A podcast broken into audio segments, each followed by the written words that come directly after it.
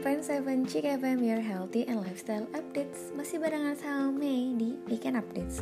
Chick Girls, kalau tadi Mei kasih kamu info tentang gimana sih cara ngerawat kulit selama pandemi. Kali ini Mei bakal kasih kamu info terkini tentang penularan virus COVID di Indonesia saat ini Chick Girls, data pemerintah pada hari ini, Minggu 15 November 2020 kembali memperlihatkan bahwa penularan virus corona masih terjadi di masyarakat Indonesia. Berdasarkan data Satuan Tugas Penanganan COVID-19 pada hari ini, ada sekitar 4.106 kasus baru COVID-19 dalam 24 jam terakhir. Penambahan itu menyebabkan total kasus COVID-19 di Indonesia saat ini mencapai 467.113 orang, terhitung sejak munculnya pasien pertama pada 2 Maret 2020. Lalu, ada penambahan 3.897 pasien COVID-19 yang sembuh.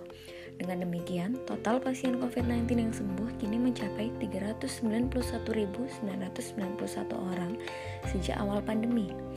Pada periode 14 sampai 15 November 2020, ada 63 pasien COVID-19 yang tutup usia, sehingga angka kematian akibat COVID-19 di Indonesia kini mencapai 15.211 orang. Nah, Chick Girls, ingat ya, COVID-19 masih ada di Indonesia dan angka penularannya masih cukup tinggi. Jadi, buat kamu yang sudah mulai beraktivitas di luar, bekerja, ataupun apa pun itu, jangan lupa stay safe and stay healthy. Tetap dengerin 89.7 Chick FM, your healthy and lifestyle updates.